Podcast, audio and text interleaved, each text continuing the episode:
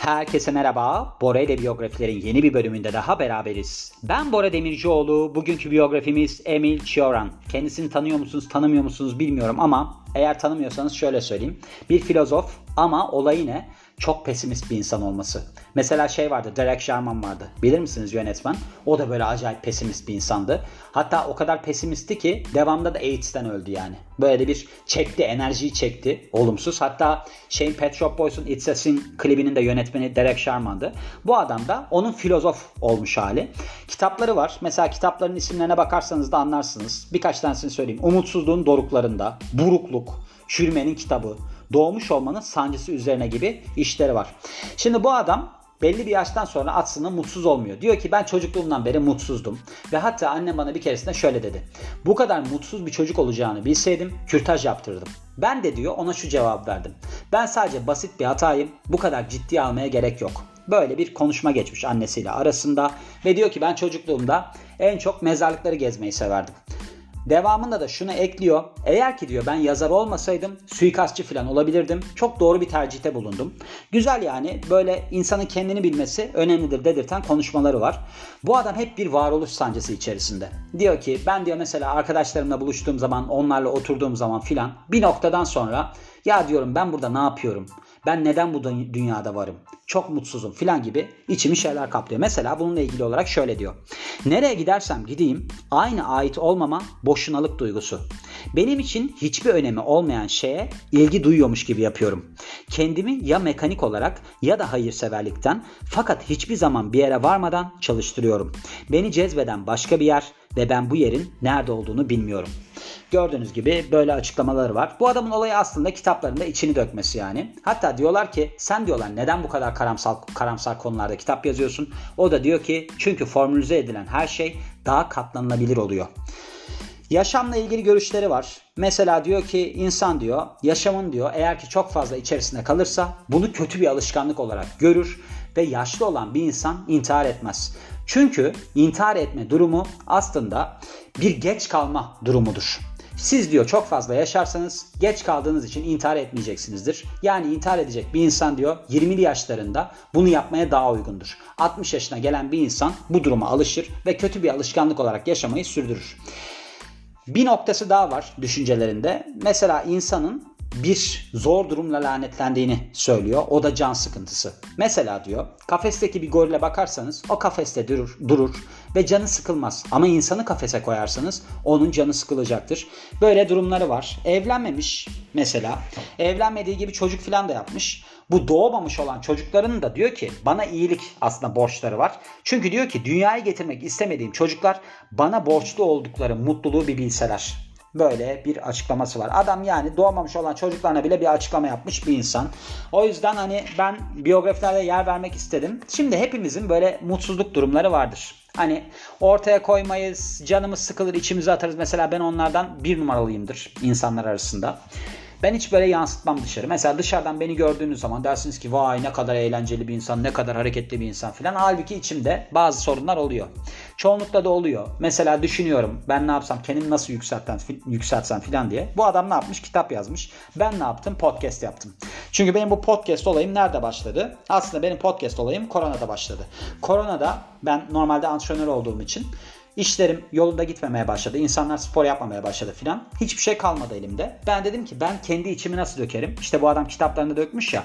Ben de bu biyografilerde ya da diğer bir podcast'im var benim Besin Premium diye. Orada dökebilirim diye düşündüm. Onun için de iyi bir noktadan başladığıma karar verdim bu noktaya geldiğimde. İki tane nokta kullandım olur öyle şeyler. Şimdi Emil Cioran'a bakarsak aslında 8 Nisan 1911 doğumlu bir insan 84 yaşındayken hayata veda ediyor. Alzheimer sebebiyle ölüyor bu arada. Bu adam intiharla ilgili sürekli bir şeyler yazıyor ya. Diyorlar ki mesela sen neden intihar etmiyorsun madem bu kadar intiharla alakalı bir insansın. O da diyor ki çünkü ben yaşamdan nefret ettiğim kadar ölümden de nefret ediyorum. Böyle şeyler var. Mesela ben birkaç tane aslında konuşmasını filan izledim. Enteresan da bir tip Böyle ölümle ilgili böyle bir karamsarlıkla ilgili falan konuşuyor. Devamında da bunun üzerine espri yapıyor. Böyle sarkastik bir hali de var. Yani biraz deliye de benziyor baktığınız zaman. Ve demiş ki Romanya'nın bir parantez içinde bölümü var. En büyük filozoflarından birisidir ve de eleştiri yazarlarından bir tanesiymiş. Romanya'da çok değer gören bir insan yani. Hem Romanya'da hem de aslında Fransa'da. Çünkü hayatının son zamanlarını Fransa'da yaşadı. Kitapları da hem Fransızca hem de Romanca olarak basıldı aslında. Ve en önemli eserlerinden bir tanesi A Short History of Decay. Yani Çürümenin kitabı galiba bunun Türkçesi. Burada prestijli bir ödülle onurlandırılıyor. Riverall ödülü. Ancak yazar bunu almayı reddediyor. Ölümünden sonra da Shiora'nın karakterleri pek çok oyuna konu oluyor. Yani böyle bir yazımlarda falan yer buluyor. Bir de Romanya'nın en büyük filozoflarından birisi olarak kabul ediliyor ve de ölümünden sonra Romanya Akademisi'nin üyeliğine kabul edilmiş. Öyle bir onuru var. Ozonones olarak da bilinir. Emil Mihai Chioran 84 yaşında ölüyor demin bahsettiğim gibi Alzheimer sebebiyle ölüyor. Ölüm tarihi 20 Temmuz 1995 Paris Fransa'da. Hayata gözlerini yumuyor diyelim. Çocukluğuna bakarsak aslında kendisi Ortodoks Hristiyan bir aileye mensup. Babası bir yargıç diye isim geldi. Ne derler? Peder. Ve de annesi ise ev hanımı. İşte eğitimini görüyor. Bazı yerlerde Bükreş Üniversitesi'nde felsefe okuyor ardından. Yani ilk bu lise eğitimini aldıktan sonra burada felsefe okuyor ki burada aslında gelecekteki arkadaşlarıyla tanışıyor Bükreş Üniversitesi'nde. Arkadaş olduğu kişiler var. Kariyerine gelirsek Alman diliyle alakalı olarak çok büyük ilgi duyuyor ve Arthur Schopenhauer ve Nietzsche'nin işlerinden bolca etkileniyor. Hatta bu akademik kariyer yaparken Berlin Üniversitesi'nde Cioran bir saçmalığa imza atıyor. Nazi rejiminin politikalarına karşı ilgi duyuyor. Ve diyor ki ben diyor Hitler'in liderliğini ve de politik görüşünü çok beğeniyorum. Ve demiş ki benim demiş zamanımın en böyle bir ne derler imrenilecek ve de sempati duyulabilecek liderlerinin başında Hitler geliyordu. Kendisine hatta Hitlerist olarak adlandırmış. Böyle enteresan bir şey. Bunu da bir mektupta yazmış. Romanyalı edebiyat eleştirmeni Petru Comarnescu'ya yazmış bunu mektubunda. Aynı zamanda İtalyan faşizmini de öven açıklamaları var. Hatta mesela demiş ki bunun demiş hani şey vardı ya bu İtalya ile Habeşistan Savaşı var 1934 yılında. Bu Mussolini'nin başında oldu. Onu kazanmasında diyor bu şeyin diyor rejimin diyor çok diyor payı var diyor aslında. Bunun olması gerekiyordu diyor. Mesela sosyal meselelerle ilgili çok fazla esere yer verdi ya. Bunlardan ilki bu şey vardı ya hani umutsuzluğun doruklarında kitabı vardı ya ondan bahsediyor. On the Heights of Despair yani bunun İngilizcesi. 1934 yılında romanca olarak basılıyor. Ve sonraki senelerde 3 tane daha kitabı yazılıyor, basılıyor. Bunlar mesela The Book of Delusions, The Transfiguration of Romania ve Tears and Saints. Bu kitapların ismi. Bunların Türkçelerini bulamadım. Türkçeleri yok galiba. 1935 ve 1937 yılları arasında Romanya'da basılıyor bu kitaplar. Emil Cioran kendisinin böyle bir sağ kanat politikaya olan eğilimiyle tanınıyor ve de Almanya'nın bu acayip hani eğilimi var ya Nazi eğilimi yani o partinin olduğu zamanlarda onu çok beğenmesiyle tanınıyor. Demin de bahsettiğim gibi. Hatta Romanya'da da böyle aşırı sağ politikalarıyla ünlü olan Avantgarde'a üyeymiş. Buna ilgi gösteriyormuş. Bunların hani böyle bir şiddet yöntemlerine falan karşıymış ama ulusal bakışlarına destek veren bir görüş benimsemiş. French Institute of Bucharest 1937 yılında kabul edildiği bir aslında şey var, pozisyon var ve Burada birkaç yıl boyunca hizmet verse de diyor ki bunun zamanının ardından diyor ben diyor geri döneyim diyor Romanya'ya ve Romanya'ya geri dönüyor. Romanya'da da gene bu Iron Guard dediğim hani şey vardı ya oluşum vardı ya ona destek vermeyi sürdürüyor. Yani bu adam sürekli olarak aslında baktığınızda garip şeylere destek vermiş. Kitaplarında da öyle. Yani gidiyor mesela Bükreş Fransa Enstitüsü'nde bir pozisyon kabul ettikten sonra biraz orada zaman geçiriyor ve tekrar geri dönüyor. Son kitabı The Passionate Handbook'u yazıyor Romanya'da ve 1945 yılında yayınlanıyor bu kitap. Kitabı tamamlaması 5 sene sürmüş ki bu kitap genellikle pesimizm üzerine kurulu. Bir de bununla beraber de böyle bir alaycılık da içeriyormuş kitap.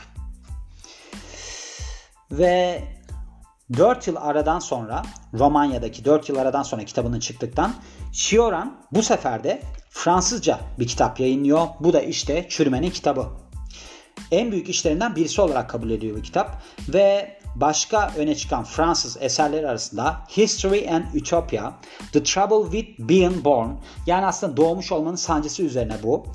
Ve de bununla beraber de büyük işlerine geliyoruz. Emil Cioran'ın çıkış kitabı On the Heights of Despair yani umutsuzluğun doruklarında böyle insanın bir inancını kaybetmesine ve de zihinsel durumuna odaklanıyor. Ve bu kitap Young Writers Prize and the Commissions Prize. Bu da New Young yani şey bir yeni bir yazar için verilebilecek işte yeni yazara verilecek ödül diyelim yani öyle bir ödülle onurlandırılmış ve ilk kitabı Fransızca olarak bu hani demin bahsettiğim Çürümenin kitabı İngilizce çevrildiğinde yani A Short History of Decay bunun Fransızcası var asıl. Önde gelen Fransız yayın evleri tarafından basılıyor. Editions Gallimard'mış. Ve Cioran'da Rivarol ödülüyle ödüllendiriliyor 1950 yılında bu başyapıtıyla. Ancak bunu almayı reddetmişti değil mi? Başında öyle bir şeyden bahsediyordu. Adamın zaten enteresan bir karakteri var yani. Hani bir şey kabul etmemesi falan bana çok enteresan gelmiyor. Annesiyle yaptığı konuşmayı hep hatırlayın. Ondan sonra da dersiniz ki ha, bu enteresanmış ya da değilmiş yani. Reddetmesi de normal bu açıdan. Aile hayatına ve de yaşamına bakarsak Emil Cioran uzun süreli bir ilişki yaşıyor. Simone Buy'la, Buy diye okunuyor galiba. Ki bu kadın kendisinden önce ölmüş ve sonraki hayatında Paris'te geçiriyor. Böyle bir toplumun ilgisinden uzakta geçiriyor. Hemen hemen her şeyden kendini izole ediyor. Sadece çok yakın arkadaşlarıyla görüşüyor. Alzheimer hastalığından çok çekiyor. Yani muzdarip olarak hayata veda ediyor. 20 Haziran 1995'te Paris'te ölüyor ve işte ölüm mezarlığı da Montparnasse Cemetery'de görülüyor diyor. Şimdi burada 20 Haziran demiş. Sanki ben başında okuduğumda 20 Temmuz diyordu ölüm tarihi olarak. Bakalım. Evet burada bir tanesinde 20 Haziran demiş. Başında 20 Temmuz demiş. Bilmiyorum artık ölüm tarihi çok önemli değil. Yani 95 yılında ölmüş de tam ayını veremeyeceğim şu anda. Gördüğünüz gibi böyle bir insan yani. Hani böyle bir filozof. Benim ilginç gelen noktaları şu. Tamam her şeyi sorgulayabilirsin. Hayatla alakalı olarak çok sorgulayıcı bir insan olabilirsin. Ama insanlara böyle toplu katliam yapan insanları falan nasıl desteklersin? Yani çok enteresan bir kafa. Tamam sen kendin böyle şeylere inanma. Bunlarla alakalı olarak kitap mı yazıyorsun ne yapıyorsan yap. Ama bunları desteklemek niye? Onu anlayamıyorum. Bu adamı hani eklemekten mutluluk duyuyorum. Neden mutluluk duyuyorum? Çünkü böyle insanların görülmesini istiyorum. Hani Baktığınız zaman ödüllü bir yazar çok iyi işleri var. E neden bunu yapıyor? Çünkü mesela şu anda da böyle görüyorsunuz mesela işte dünya çapında acayip acayip işler var yani. Adam mesela çok güzel bir hayatı olan bir insan çocuk istismarı yapıyor. Ya niye yapıyor bunu diye düşünüyorsunuz. Anlayamıyorum ben. Bunları sorgulama açısından bir bakma açısından da bunu eklemek istedim diyorum ve bu biyografinin de sonuna geliyorum. Beni dinlediğiniz için çok teşekkür ederim. Ben Bora Demircioğlu. Yeni biyografide görüşmek üzere. Hoşçakalın.